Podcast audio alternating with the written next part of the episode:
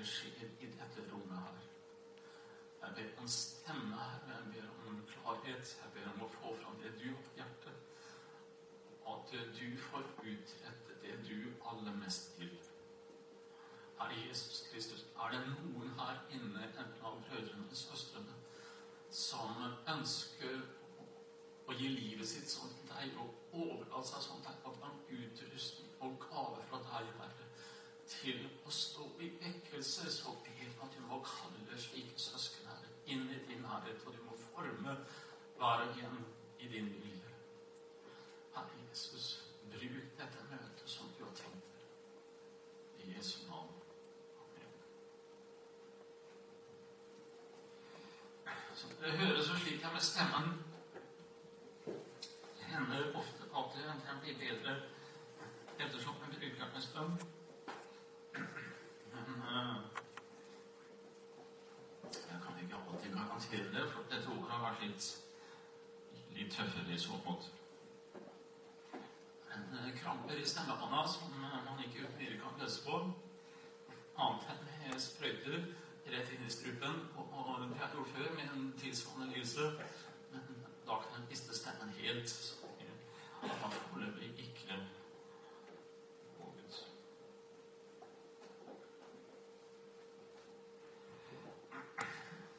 Jeg har vært litt eh, usikker på om vi skulle følge sporet fra de tre timene våre på skolen, eller om jeg skulle ta inn noen nye ting. Egentlig gjør jeg ikke det.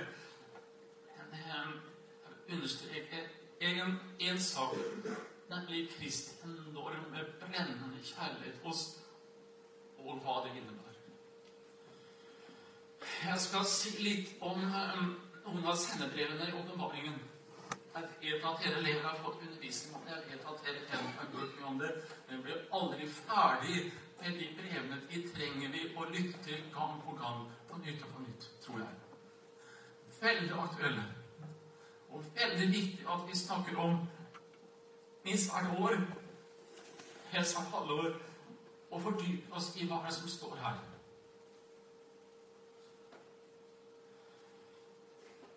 Det handler først og fremst om den brennende frelsen, frelsen, frelseren Jesus Kristus, som kommer til et område ved Middelhavet for å inspirere menigheten, inspisere menighet, for oss å se nøye på hvordan de enkelte har det. Han vil sjekke ut hvordan stod det til med bruden min. Hvordan lever hun? Hvordan er hjerteforholdet vårt? Det er det Kristus her holder på med. Han vil finne ut hvordan menigheten har det med ham.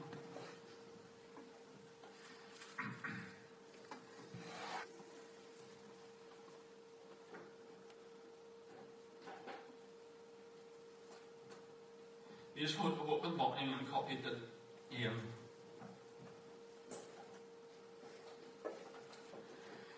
Der står det vers 4. Jeg, Johannes, som er deres bror og har del med dere i trengselen og riket og tålmodet i Jesus. Jeg var på den øya som kalles Patmos for Guds ords og Jesu vitnesbyrds skyld. Altså, Johannes var forvist, kan vi si, til en arbeidsleir på Patmos av forfølgelse under keiser Domitian. Og så sier han i vers 10 jeg var bortrykket i ånden på Herrens dag, som er søndagen.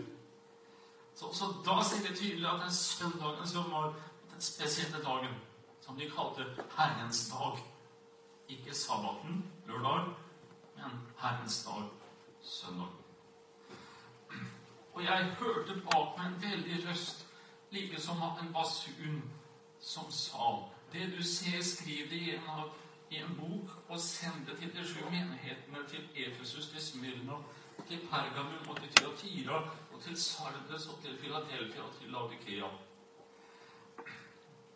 Jeg vendte meg om for å se røsten som talte til meg, og da, da jeg vendte meg, fikk jeg øye på sju lysestaker av gull. Var altså syv menigheter rundt i Tyrkia, kan vi si i dag, langs kysten, som Herren spesielt ønsket å se nærmere på. Han ville finne ut hvordan var det med bruden hans. Johannes han vender seg om for å se røsten som taler. Og så fikk han øye på sju lysestaker av gull. Det er menighetene som kalles sju lysestaker av gull. Og midt mellom lysestakene var det en som lignet en menneskesønn. Han var kledd i en fotsid kjortel eller kappe, ombundet med gullbelte under brystet. Hans hode og hår var hvitt som hvit ull, som snø, og øynene hans som en ildslue. Føttene hans var lik skinnende kobber, som om de var glødet i en ovn, og røsten hans var som bruset av vannmasser. I sin høyre hånd hadde han sju stjerner, og av munnen hans gikk det ut et tveget skarpt sverd, og ansiktet hans var som solen og den skinner i sin kraft. En voldsom, voldsom syn av Jesus. Jeg vet ikke om vi hadde tålt altså det. Men altså den samme Jesus her inne som åpenbarte seg for Johannes den gangen. Den samme Jesus du møter når du kneler ned ved senga di eller ikke kneler, sitt en stol eller ber til ham. Det er denne Jesus du treffer. Ikke bare den der fine, vakre, innbydende søndagsskole-Jesus, men det er denne hellige, voldsomme Jesus Kristus som er Jesus dypest sett slik han er i sitt vesen. Og når vi skal møte Jesus igjen, da er han sånn bare enda sterkere. For Jesus han åpenbarte seg for Johannes så mye av seg selv som Johannes tålte.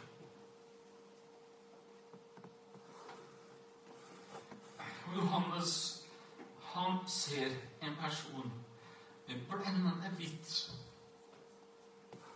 hode og hår, med flammende ildsøyne Føtter med en gud som glødet som bronse. En røst som hørtes ut som en voldsom fossefall. Og et glinsende sverd ut av munnen hans. Med strålende stjerner i hånda. Ansiktet hans var som solen da den skinte av sin kraft. Var litt av en åpenbaring av Jesus. For Johannes var vant til å se Jesus litt annerledes. Og Johannes opplevde noe helt annet i nattverdssalen. Der legger han, legger han seg inntil Jesu bryst. Han lena seg bakover og la seg inntil Jesu bryst, trygt og fortrolig. Hvordan reagerer Johannes her? Det står Da jeg fikk se ham, vers 17, falt jeg ned for hans føtter som død. Og han la sin høyre hånd på meg og sa, frykt ikke. Jeg er den første og den siste og den levende. Jeg var død, og siden jeg levende av evighet. Jeg har nøkkelen til døden og dødsriket.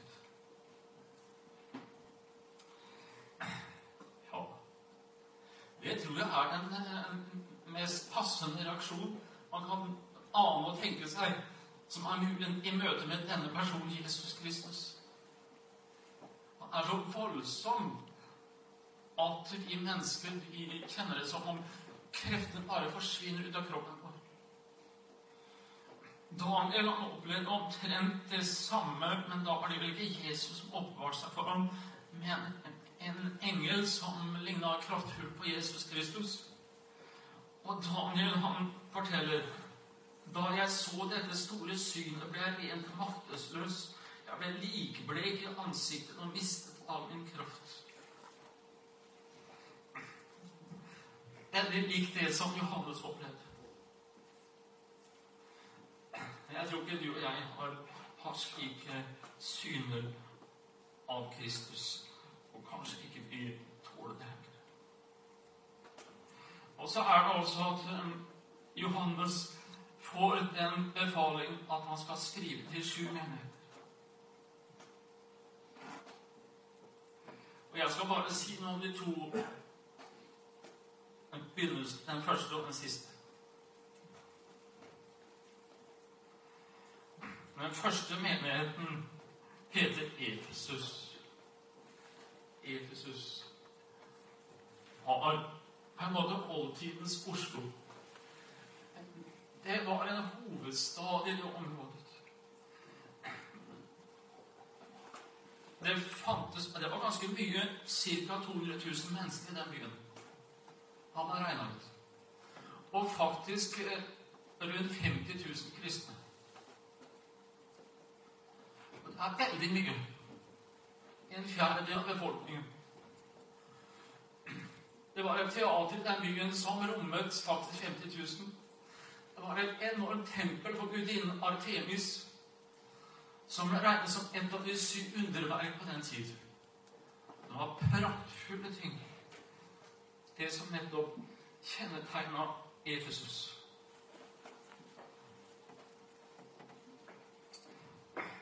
Også kjent for kan vi si litt mer nedsettende ting forferdelige ting med hedenskap og hedensk kultus. Og menigheten i den byen var ikke akkurat så, så veldig annerledes.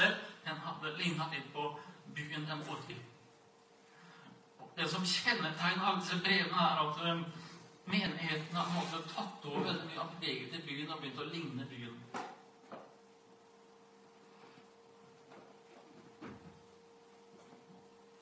Og så leser vi skriver engelen for menigheten Efesus. Dette sier han som holder de sju stjerner i sin høyre hånd, han som går midt mellom de syv lysestaker.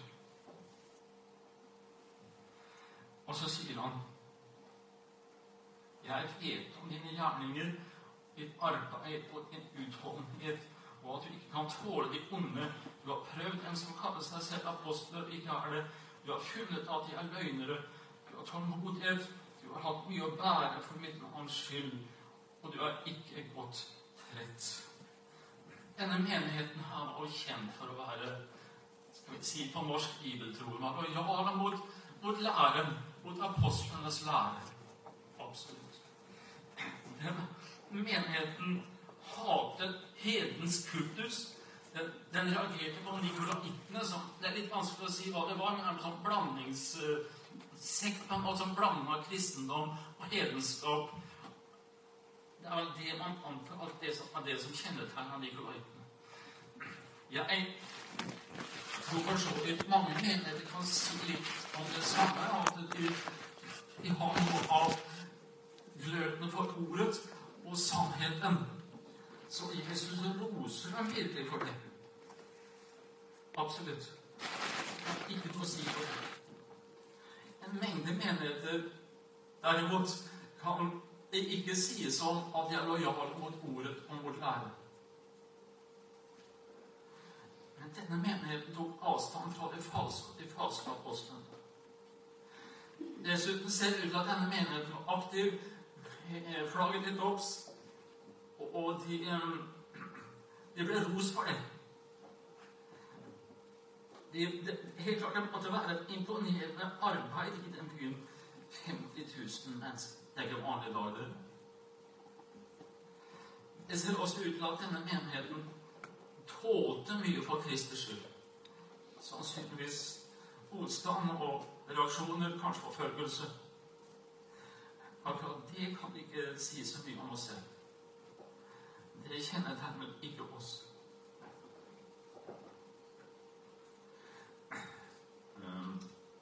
Jeg tror at dette passer godt inn i en bibelskolesammenheng òg. Fordi um,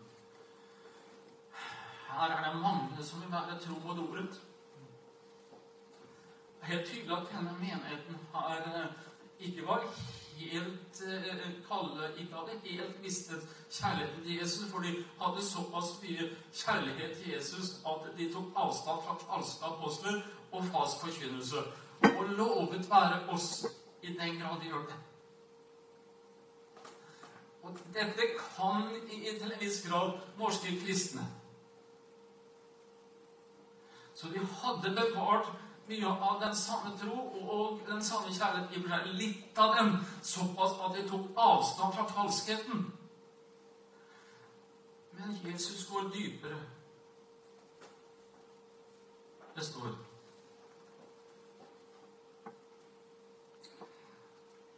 Han går omkring i menigheten med flammende øyne bare i bevegelse. En oppstandende Jesus var til stede. Og så ser han på menigheten, så ser han på oss her inne med sine øyne. Ildsøyne med røntgenblikk, og så ser han hvordan det egentlig står til mellom deg og ham. Hvordan har du det med Jesus?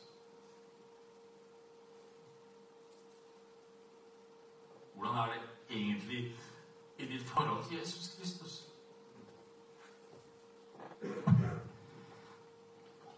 Og da er det at Jesus her sier Men jeg har imot deg at du har forlatt din første kjærlighet. Efesus-menigheten, som var grunnlagt av Paulus ca. 40 år før. Paulus var vel der og grunnla menigheten omtrent i år 55. Dette brevet er skrevet omtrent i 95. Når Paulus skriver til menigheten fra et annet sted, da roser han den menigheten for tro og kjærlighet, som var kjent i omgivelsen at de hadde tro og kjærlighet. En levende tro og kjærlighet. Så går det altså noen tiår, og så kommer Kristus og ser inn i hjertet. Og så ser han at her er en åndelig hjertefeil. altså.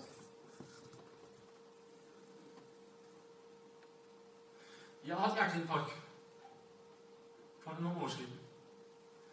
Og årene snøra seg. Jeg trodde jeg skulle dø av det. Det var ikke blodtilførsel til hjertet. Og, og, og, hvis ikke jeg hadde fått hjelp, så hadde jeg dødd der hjemme. Heldigvis var Gud til stede. Men da det tetta seg til i forbindelsen til hjertet Plakk og elendighet. Åndelig sett er det det som hadde skjedd her. Det var noe i forbindelseslinjen og kanalen åpnet i forhold til Kristus. De hadde teorien, de hadde tanken, de hadde det rette, men hjerteforholdet til ham begynte å skrante. Det var ikke sånn i begynnelsen. For hvordan er det i begynnelsen når man er nyfrelst? Ja, da tror jeg i hvert fall for en del vedkommende så minner det litt om sånn som Johannes kjente det når han så Jesus første gang. Da faller det ned for ham. Og ufattelig stort å få være sammen med Jesus. En kjenner seg som en synder, og kjenner seg uren, en kjenner seg uverdig. Jeg har ikke, rett til å være sammen med en slik person.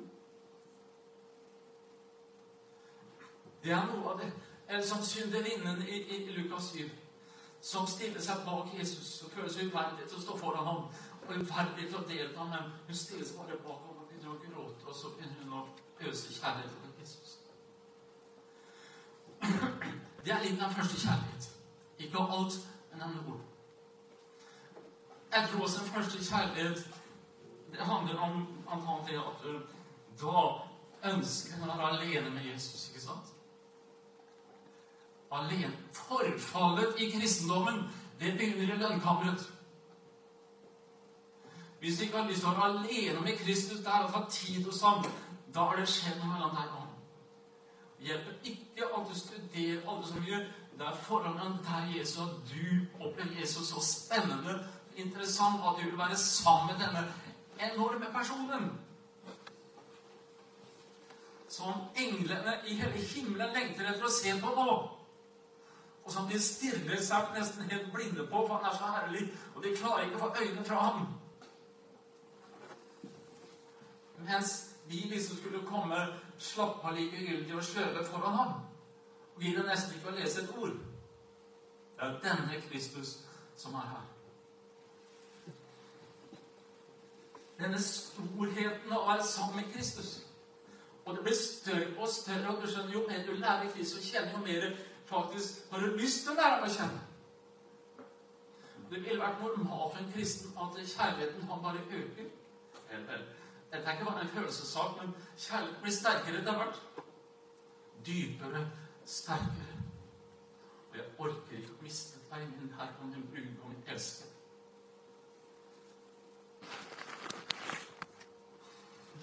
Da er det Jesus og Jesus-mani det dreier seg om. Ja. Da er mann. i, i positiv forstand. Når man er på tur, så er det Jesus.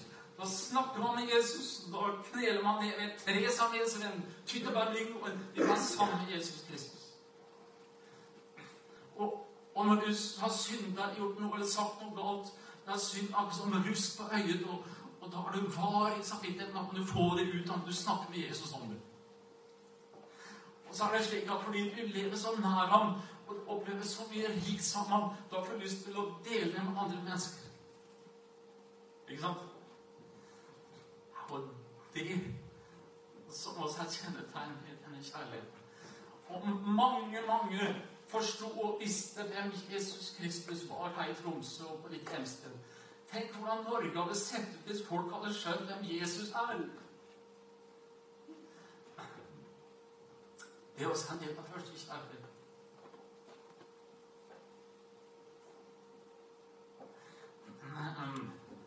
Vi, vi bedehus er blitt så Vi er flinke, vi kan organisere, vi ordner, vi har sanger og vi har opplegg og sånn.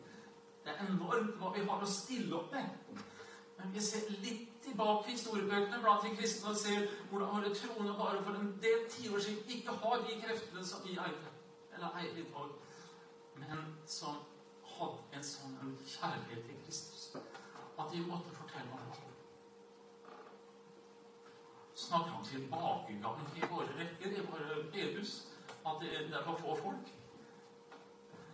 Problemet er ikke at vi ikke når ut til folk. Problemet er også at Jesus ikke når inn til oss med seg selv, med sitt liv, med sin ånd, med sitt ord.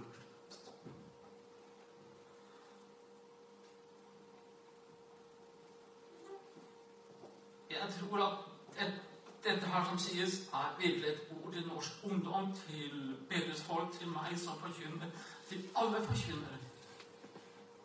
Dette må vi prøve oss på. Solide bibeltroskap. Takk og lov for det. Men kanskje vi ikke har sett alt. Kanskje vi ikke har tatt imot alt. Men hvor er lidenskapen for Kristus her? Selv om det er litt haltende bilde, spør jeg om noen som har forelska ham. Det er en merkelig forsamling som ikke har forelska Det er en dame her. Det er ganske utrolig. Ok.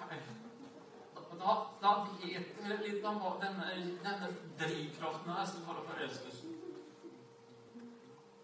Ikke et haltende bilde, men når man elsker en annen slik som ofte en første tid da bør du ikke anstrenge deg for liksom å være opptatt av henne. Du bør ikke anstrenge deg for å ha lyst til å snakke med henne eller han.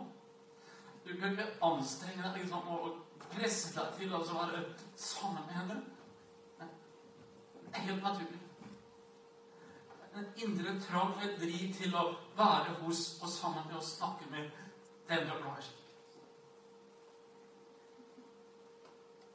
Slik også denne kjærligheten her. Ikke alt, men mye av kjærligheten ligger også her.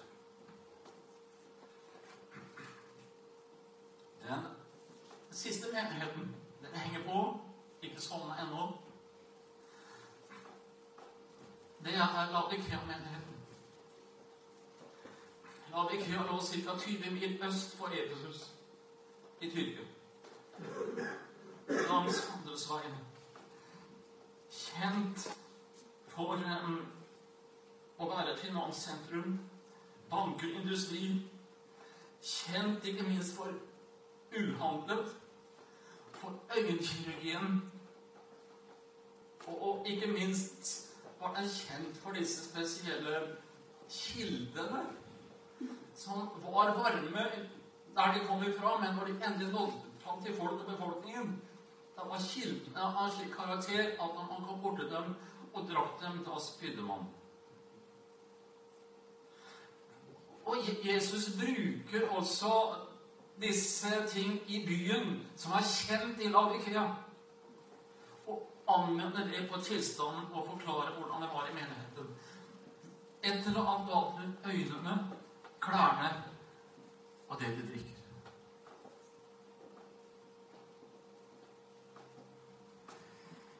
Og skriv til englene fra menigheten i Labikea. Dette sier han som er Amen, det trofaste og sannferdige vitne. Opphavet til Guds skaperverk. Jeg vet om en gjerning at du verken er kald eller varm. Det hadde vært godt om du var kald eller varm, men fordi du er lunken og verken kald eller varm, vil jeg spy deg ut av min munn. Og fordi du sier jeg er rik, jeg har overflod, du har ingen nød, og du vet ikke at du er ussel og ynkelig og fattig og blind og naken. Så råder jeg deg at du kjøper av meg gull utret i ild for at du kan bli rik og hvite klær, for at du kan være kledd i dem, og din nakne skam ikke skal, ikke skal bli stilt til skue, og øyensalve til å salve dine øyne med, for at du kan se. Alle dem jeg elsket, dem refser og tukter deg. Derfor ta det alvorlig og omvend deg. Se, jeg står for døren og banker. Om noen hører min røst og åpner døren, da vil jeg gå inn til ham, holde nattverd med ham og han med meg. Den som seirer ham, vil jeg gi å sitte med min trone, like som jeg òg har seiret og satt meg med min far og hans tron På hans tron. Og da tre grupper som Herren Jesus Kristus snakker om her. Den ene gruppen det er de kalde, da. Han sier ikke så mye om det, men hvem er åndelig kald? Og det er de som ikke har vært berørt av ordet, som ikke har kommet under ordets påvirkning, som ikke har kommet i befatning med Jesus, ikke har erfart Jesus. Det er mye bedre med dem, og mye lettere for dem å bli frelst enn en annen gruppe som nevnes her. De varme, hvem er det? Det ordet 'varm' er et veldig, veldig sterkt ord. Veldig sterkt. Jeg oversatt til litt svakt. Varm kan oversettes kokende eller sydende, eller som det står om et tolv, brennende. Det er de varme, eller de kan vi si normalkristendommen, de brennende, vær brennende i ånden. Vær kokende i ånden. Vær lidenskapelig, vær glødende i ånden. Det er ord som faktisk vil passe bedre til dette greske ordet som brukes her. Varme er ikke altså en feberhet, svermerisk kristendom, fanatisk kristendom, enn det er en normal kristendom. Varm. Ja, som det sies i Sales Hvem kan bo nær den flammende ild uten å bli varm? Og, og jomfruene som en dag skal stilles fram for Kristus i, i Matteus 25 De prøves nettopp på det om de olje på lampa, om de, om de, er, om de er brennende når de skal møte brudgommen.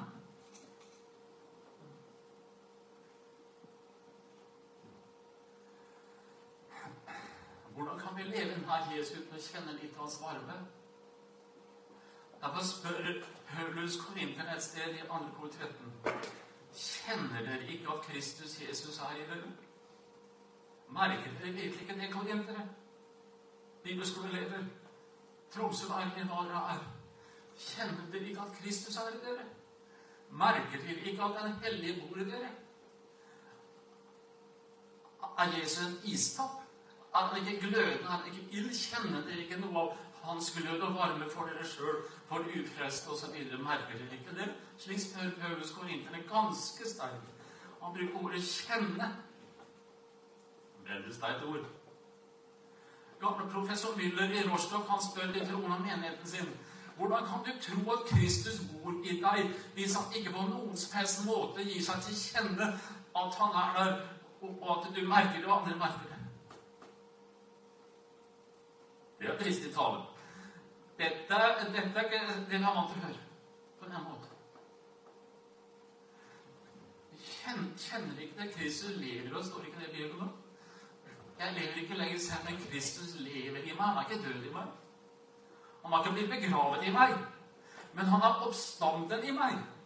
Denne hellige personen som har stått opp fra de døde med all verdens og evighetens krefter i seg, han bor i meg. Kjenner vi ikke det livet, det nye livet, bryter fram i oss? Eller sover Jesus i deg, kanskje? Har han tatt en bil for resten av livet? Kjenner ikke at Kristus bor i deg? Dette er sånn en side av ordet som blir sjelden tør å lytte til. Men du hører med. dårlige jomfruene, den frafatne bruden i Matteus 25 De mangla en ting. De mangla rett og slett Jesus selv i sitt liv. Han som er oljen. De mangla ånden. Mens de kloke jomfruer som levde i åpenhet og kontakt med Kristus hele tiden, de eide hans liv i seg. De klarte seg ikke uten ham. Og Derfor sa Jesus når han møter dem, 'Jeg kjenner dere.' Så sier han til de andre, 'Jeg kjenner dere ikke.' Jeg kjenner dere ikke igjen. Det er ikke et minne.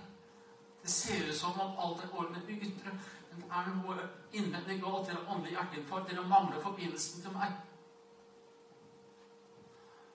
En sterkere ord, en sterk lignelse.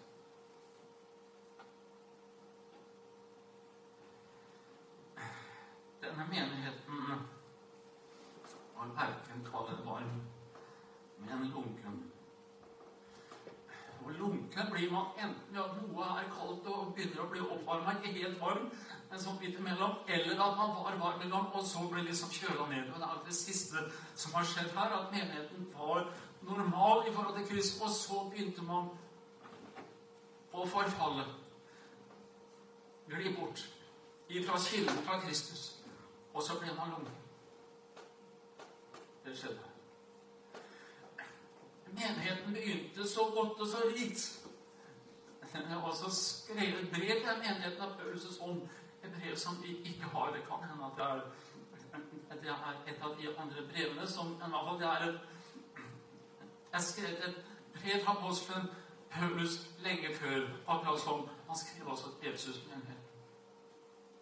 Laudikea var en flott menighet, men etter hvert ble den lunken. Handlet i sjæltillit, i selvtilfredsstillelse, og vingla som mellom avgudene, akkurat som det står i første kongebok 18. Der Elias utfordra dem. Hvor lenge skal dere halte til begge sider?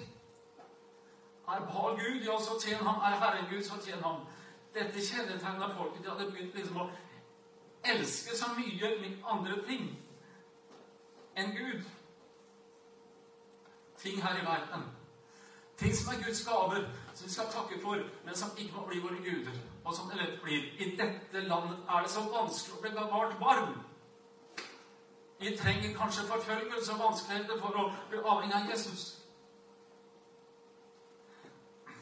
Men uh, Herren vet hva vi trenger for å bevare sin brud i Norge. Det var veldig vanskelig for en rik å komme inn i Guds rike, og vi er veldig rike. Det roses vi for hver ide gang det er nye undersøkelser på verdensbasis. Det er vanskelig å bevare rikdommen i Kristus i denne tilstanden. Det må vi bare være klar over det. Menigheten var lunken. Et forferdelig ord. De sto i fare for å bli har jeg sett spydd opp av Kristus. Det er ikke bare spytta ut, men spydd opp. Altså. Og, og, og, det å kaste opp er kroppens sterkeste reaksjon omtrent på noe den ikke vil ha. Denne menigheten var et lem på Kristus, og Kristus sto, sto nå i ferd med å kappe forbindelsen til menigheten og spy den ut av seg. Kappe av grenen på vintreet, så ikke blir noen forbindelse lenger, den tørka ut. voldsomt ord. Fordi du er lunken og verken kald eller varm. Jeg spyr deg ut av min hund. Men så må jeg også si Hva er det som kjennetegner den lunkne, da? Hva er det som preger virkelig en som er lunken? I Kristi, i Kristi øyne man vurderer. Den lunkne sier fordi du sier 'Jeg er rik, jeg har overflod og har ingen nød'. Og du vet ikke at du er ussel og ynkelig og fattig og blir noe naken. Den lunkne sier og tenker om seg selv at 'jeg er rik'. Jeg har overflod har ingen nød. Og de kristne som virkelig lever i det og tror om seg selv, og har en sånn type fornøydhet tilfredshet, selvtilfredshet, sier jeg er rik. Jeg mangler ingenting. Jeg har ingen nød. Der ligger lunkenheten. For en kristen kan da ikke si det og mene det og leve det. Men Jeg klarer ikke å si det. Håper aldri jeg sier det. Jeg kan si det med munnen, kanskje. Og en person er redd å si at ja, jeg er ikke Kristus og mangler ingenting ham. Men hvis jeg skal se meg selv sånn som jeg er som person, så må jeg si noe helt annet. Nemlig det Jesus sier etterpå. Du vet ikke at du er ussel og ynkelig og fattig og blind og naken. Det sier ikke den lunkne at han er, eller hun er. Den lunkne sier tvert imot at alt er bra. Vi har alt. Vi er fornøyd. Vi har overflod. Vi mangler ingenting. Her har vi alt både i oss selv og i folkene osv. Mens det som er kjent, er at de vet ikke. De skjønner ikke at tilstanden er helt annerledes. Det er det som er så tragisk. De vet ikke det. De vet ikke at jeg er usle og ynkle og fattig og blinde og nakne. Forferdelig sterke ord. Usle og lengre sier som tiggere. Det er egentlig den samme tilstanden i forstand for en kristen for Kristi brud. Å kjenne seg fattig, blind og naken. Så den som er varm, virkelig varm, han føler ikke at han er det. Den som er rik, føler seg fattig. Den som er sterk, kjenner på sin svakhet. For bare den som kjenner på sin fattigdom og svakhet og skrøpelighet, blir gang på gang avhengig av Jesus Kristus. Og, og, ikke i seg selv, og søker ikke kilden i seg selv. For hvis vi tror at vår kristendom ligger i hjertet her inne, så liksom vi kan lagre det her, da, da lager vi vår kristendom av vår egen kristendom. Da bygger vi på noe i vårt hjerte. Mens Herren bevarer oss fattige og avhengig av Ham. Da er det at vi faktisk holdes varme, glødende, rike på en sånn måte. Er det noen av dere som har hørt om Frank Manns? Hvis du har lest litt Tor kjenner til han. Og noen andre sikkert. Han var en, en enorm vekkelsesforkynner i forrige århundre finsk, svensk, kan vi si, og, og virka av både i Sverige og i Norge. I mellomkrigsåra var tusener på tusener av mennesker som ble frelst under Frank Manns forkynnelse.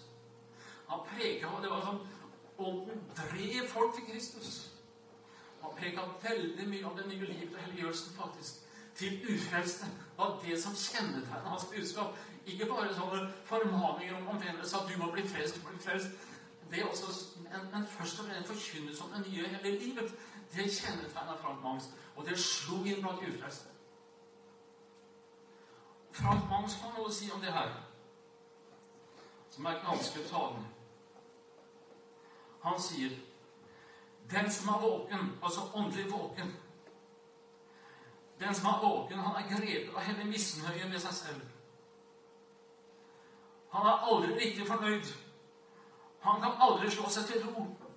Han har ikke lyst til å trampe flere dager på samme sted i sin åndelige utvikling. Han er stadig lengter etter nye åndelige rikdom og nye muligheter til å vinne andre mennesker. Han lengter etter å bli mer våken. Jeg så dette som levende illustrert for meg på et sted for noen år siden, skriver han. Jeg kjente personlig en stor del av menigheten og visste sånn noenlunde hvor de sto åndelig sett hvor, hvor de hørte hjemme. Det var veldig gripende å se menighetens fremste medlemmer gang på gang møtes i bønnerommet og be om mer lys og kraft over seg selv og sitt virke. Og en av de som etter min mening kanskje var mest åndelig våkne av de troende i bygda, han lå på kne i et hjørne av salen, og så ba han en brennende bønn om at Gud skulle vekke ham på alle områder og sette hans sjel i brann for andre menneskers frelse. Han kjente at han trengte det. Da møtene hadde pågått en måneds tid, så reiste menighetens største hykler seg i bønnemøtet.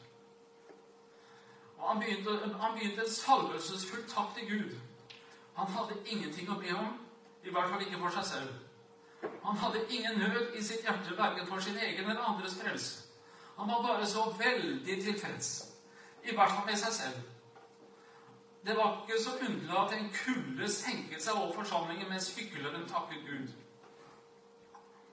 De våkne, stønna og ynka seg i smerte. Men hykleren levde i en forunderlig fred. Han sov.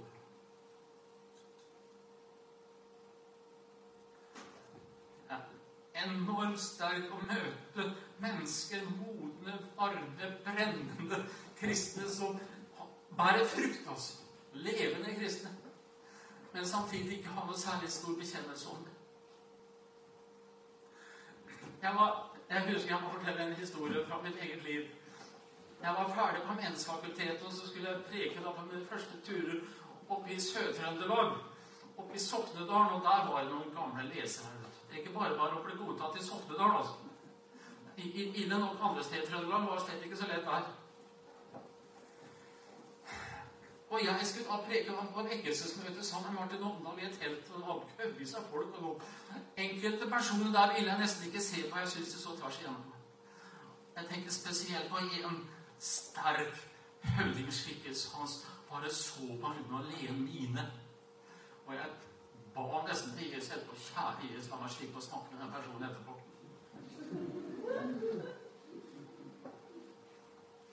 Møtet var slutt.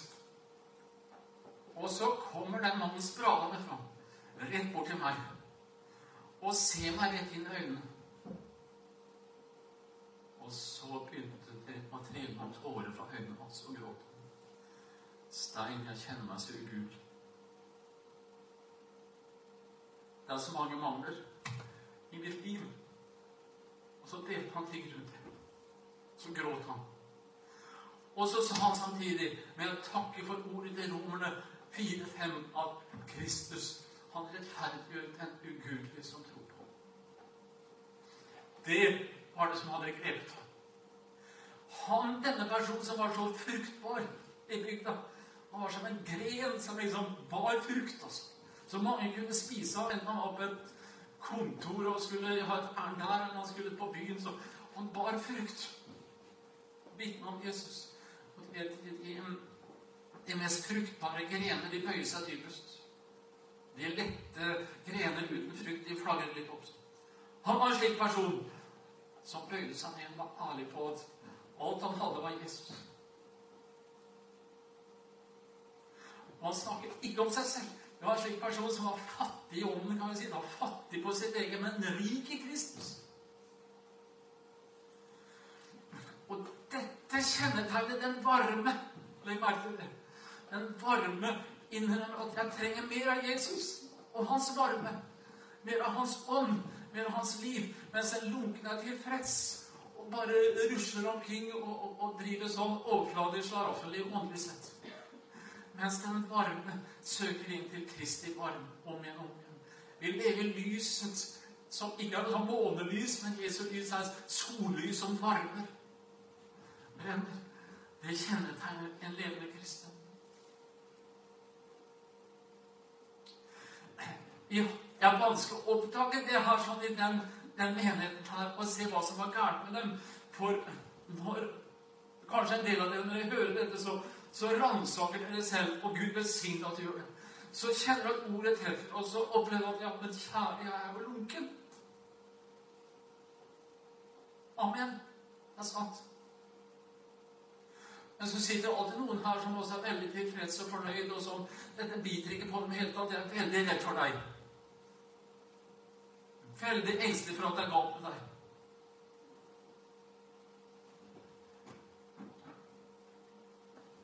Du trenger virkelig også å komme til Kristus med ditt liv. Det er tre ting du mangler.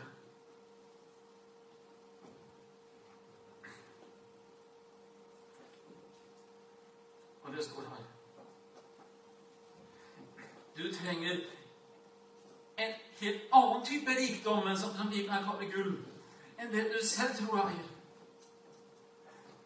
Og gullet vårt er Gud. Han er vårt gull. Han er vår rikdom. Eier du ham? For det andre så trenger du hvite klær. Altså hellige, himmelske klær som ikke du ser, men som han kler deg med.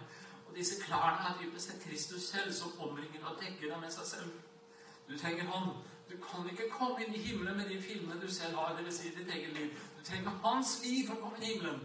Trenger Hans klær, Hans drakt, Hans person. For det er én Gud godtar, og det er sønnen hans. Og når han ser på Jesus, sier Gud, 'Dette er sønnen min jeg har vellage om'. Men det kan han ikke si om livet ditt. Men Jesus vil gi deg sitt liv, slik at du eier det og blir skjult av ham. Det er klærne dine. Og da blir du herligheden av Adam og Eva paradis som englene selv blir jo mer enn det. Du blir en med Kristus. Og for det tredje så trenger du salve, dvs. Si Den hellige ånd. så langt jeg kan. Både Faderen og Sønnen og Ånden egentlig vi trenger her sånn. Vi trenger Ånden, så vi ser oss selv, ser våre synder, ser Jesus, ser andre mennesker på en rett måte. Jeg trenger salve fra ham. Hele tredje Gud. Han vil gi deg det. Og det som er så sterkt, her står altså Jesus foran den menigheten og banker på. Og de tror denne menigheten, de tror at Jesus er innafor. Tenk en sånn tragedie. En menighet tror at Jesus er innafor, at alt er bra. Vi har det så godt. Kristus er vår. Men så står Jesus utenfor. Hvor mange menigheter og bedehus opplever det i vår tid, tro? Uten at vi skjønner det sjøl. Men Jesus, han sier alle dem jeg elsker refser jeg for at de skal vende om. Han elsker de lunkne også. Hyklerne. De som er tilfredse og fornøyde. Han elsker dem. Han vil inn til dem. Og jeg håper at du hører stemmen hans. Det er ordet som vil inn, og ordet er ham. Inn i livet ditt. Da får du alt du trenger. Ordet som roper til deg og meg som en synder jeg er, roper og kaller oss til seg opp igjen. Ta imot meg. Og, da blir det nok eh, greie på litt varme også. Men da er det hans varme. Da er det Jesus det dreier seg om. For eh, til denne menigheten mangla dypest sett Jesus i livet. Man kan ikke være varm uten Jesus. Jeg kan ikke elske Jesus uten Jesus. Jeg, trenger Jesus for å kunne elske Jesus. Jeg trenger Jesus styrke for å være sterk. Jeg, jeg trenger Jesus selv og Hans ånd for å kunne vitne osv. Jeg har ikke dette i meg selv, men Jesus har det. Og han vil bo i oss. Han som bodde i en stall. Han er ikke så kravstor, så. Han kan bo i ditt hjerte også. Han vet han har det der og skrøpeligheter der, han vil bo i deg. Men han vil bare at du skal være lyset hans og innrømme ærlig Kjære Jesus, jeg mangler ditt og datt. Det er ikke rare greier. Jeg kan tilby deg av husværet, men Jesus vil bo i meg. Vær så god, kom, Jesus Kristus, bo i mitt liv og rydd opp og, og ta plass, Herre. Jeg vil at du skal være den fremste og den største i mitt indre. Så hvis du deg med, med, meg og mitt liv, mitt hjerte, så vær så god, Jesus. Det er et ubegripelig privilegium at denne store Kristus, som hele himmelen beundrer, Faderens sønn, han står foran døra som en tigger og ber om å få komme inn. Han liksom bare en gang eller to. Det greske ordet her er ikke arist, dvs. Si sånn engangshandling, men det er faktisk en presenshandling. Han står der kontinuerlig og banker over tid. Han gir seg. Og takk og lov for det at han fortsatt holder på å banke på også de mennesker som mener bedehusets liv her i dette landet. Lovet være ham. Kjære brødre og søstre. Hvordan hvordan blir vi varme?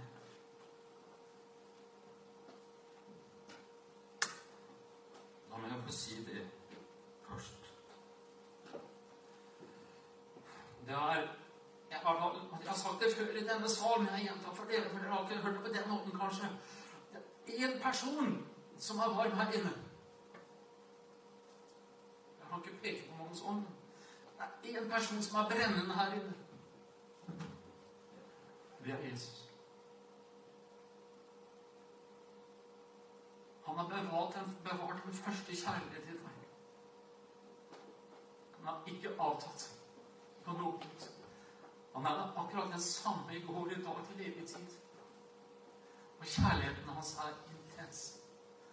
Han vil ha deg til brud, sin kjære. Han gir seg ikke. Han har ikke vendt deg ryggen, han vil ha deg. Du kan være trygg på at når du kommer til ham og er ærlig med alt, så vil han ikke avvise deg. Selv her på jorden er det slik at når um, en ektefellene forteller at 'jeg har slitt med ting', sier til den andre jeg, jeg strever med livet, nå er det ting som frister meg, jeg kjemper med ting, og det er så vanskelig å Hvis det en ektefelle forteller det, ofte så aksepterer det andre det og, og tilgir og vil rydde opp i forholdet og begynne på nytt igjen. Selv vi mennesker er sånn. Tenk da Kristus, da. Hvor mye han har av nåde og kjærlighet. Derfor sier han til eh, synderinne Lukas 7, som han nevnte, og Simon også hørte det, og alle de andre For, for hun, dama der og den kvinnen der, hun viste mye kjærlighet til Jesus. Men det gjorde ikke fariseeren. For han hadde ikke så veldig mye å be om tilgivelse for. Derfor sier Jesus høyt og tydelig i forsamlingen Den som har mye tilgitt, den som får mye tilgitt, elsker mye. Så har du mye synder, enten det er grove synder, eller sånne verdslige synder, eller kristelige synder, så skal du være lyset med det. Den som får mye tilgitt, elsker mye. Det koster Jesus blod å tilgi deg. Men kom inn i det lyset der er det blod som renser for all synsdom. Ufattelig sannhet. Og får du mye tillit, da elsker han mye. Så bare be om å se hvem du er.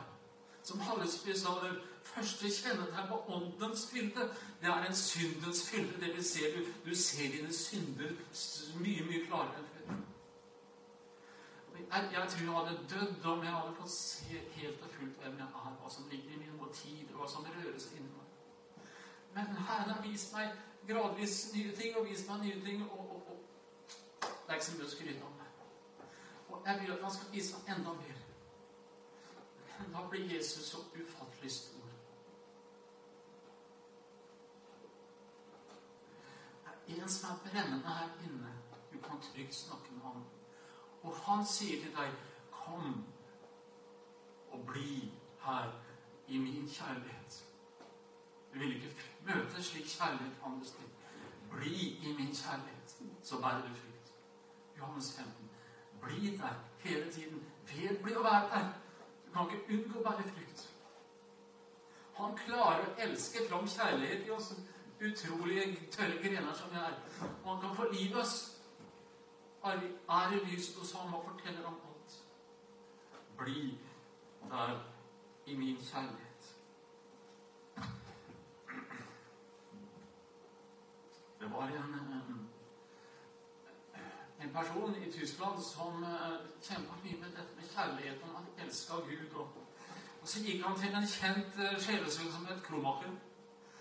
Og han var veldig veldig anfekta over det spørsmålet som Jesus stilte Peter. 'Elsker du meg?'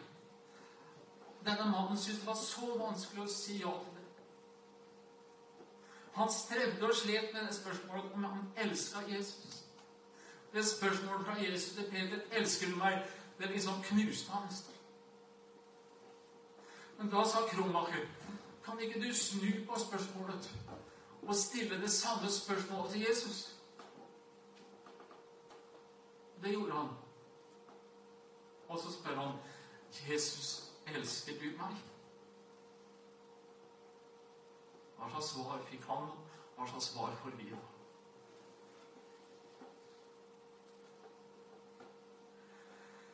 Ja, her er det ikke noe stykkevis og delt fra Herrens side. Her er virkelig å elske av hele hans evige hjerte og hans evige kraft.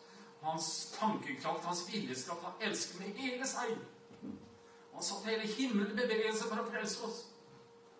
Og han vil ikke miste oss. Du hans kjæreste, hans utvalgte, hans brud. Kan han få deg?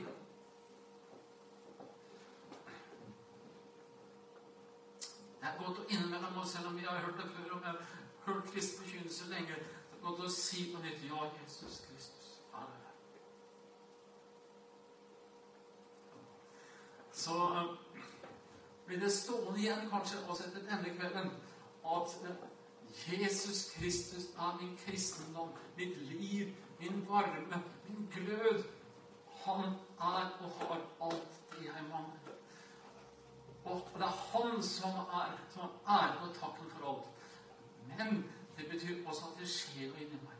Det er klart at alle dere har hørt, hvis dere har hørt den preken, har hørt en predikant sagt som så at dette er kjærligheten, ikke at vi har elsket Gud, men at han har elsket oss først. Det er så bibelsk. At vi først og fremst skal fokusere på ham, for det er det vi skal gjøre. På hans kjærlighet til oss. Men det var en eh, from forkynner Jeg tror faktisk han var sambandsforkynner. Herlig forkynner i samband. Og han var ung denne helga, så han, han preka et sted i Norge. Og der traff han altså på å preke om denne teksten her sånn.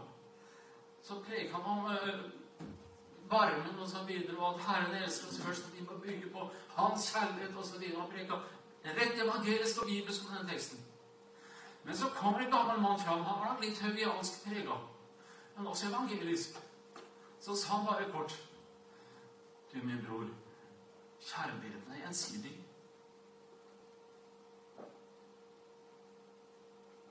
Det er sant, og det er rett. At det er Han som elsker oss først, og det er Han vi bygger på. Det er Hans hjerte. Men det fører til at vi også begynner å elske ham. Vår kjærlighet til ham, vår varme, er ikke fullkommen. Den har manglet, den har skrøpet, men den har begynt. Troens frukt har begynt å spire fram, og så videre. Det sier Bibelen også mye om. Så vi kjenner en ny kjærlighet til ham våre medmennesker, for våre troende venner.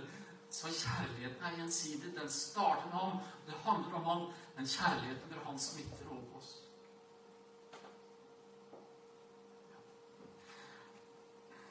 Gud velsigne deg til å ta Jesus stadig inn i din hverdag, inn i ditt liv, og si, kjære Jesus, kom, Jesus, inn. Vær så god. Jeg er din. Vil ikke eie meg selv. Vær så god, Jesus.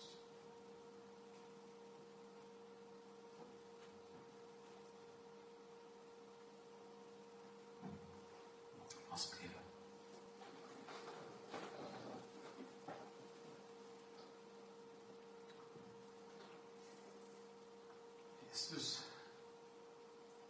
dette er sterke ting, sterk kost, alvorlig ord, Herre. Det er sannheten, Jesus, fordi du driver på fortsatt og ser på menighetene med skarpe øyne, Herre. Du vet hvordan det står til.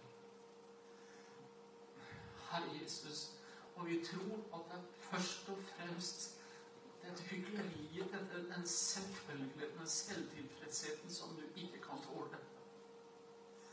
Men Jesus, du ser et menneske som trenger deg og avhengig av deg. Selv om vi føler oss fattige og skrøpelige. Takk at du vil ha oss, Jesus. Lovet være du. Herre, vi ber om at du får en vilje med oss. Og at du får oss hjem til deg en gang, Herre. Det er ikke mye krefter i oss, Herre, til oss å holde oss nær deg. Men du har all nåde og kraft til å holde deg nær oss. Og du, Herre, slipper oss ikke lett. Herre, da må vi i tilfelle ønske å ha deg bort, langt vekk. Men Jesus Kristus, vi ber bevare oss. Og vi ber om at vi aldri mister den første kjærlighet som først og fremst er deg. Og at vi aldri mister varmen som først og fremst er deg. Og at vi holder oss til deg, Jesus Kristus. Og At ikke vi roser oss av vårt eget, men av deg og ditt. Herre, vi ber om det, så får du gi oss så mye du ser vi tåler og trenger. Og gjør oss virkelig brennende og varme, men la oss aldri rose oss av det. Men Herre Jesus Kristus, må du være synlig i oss, så mennesker oppdager deg gjennom oss.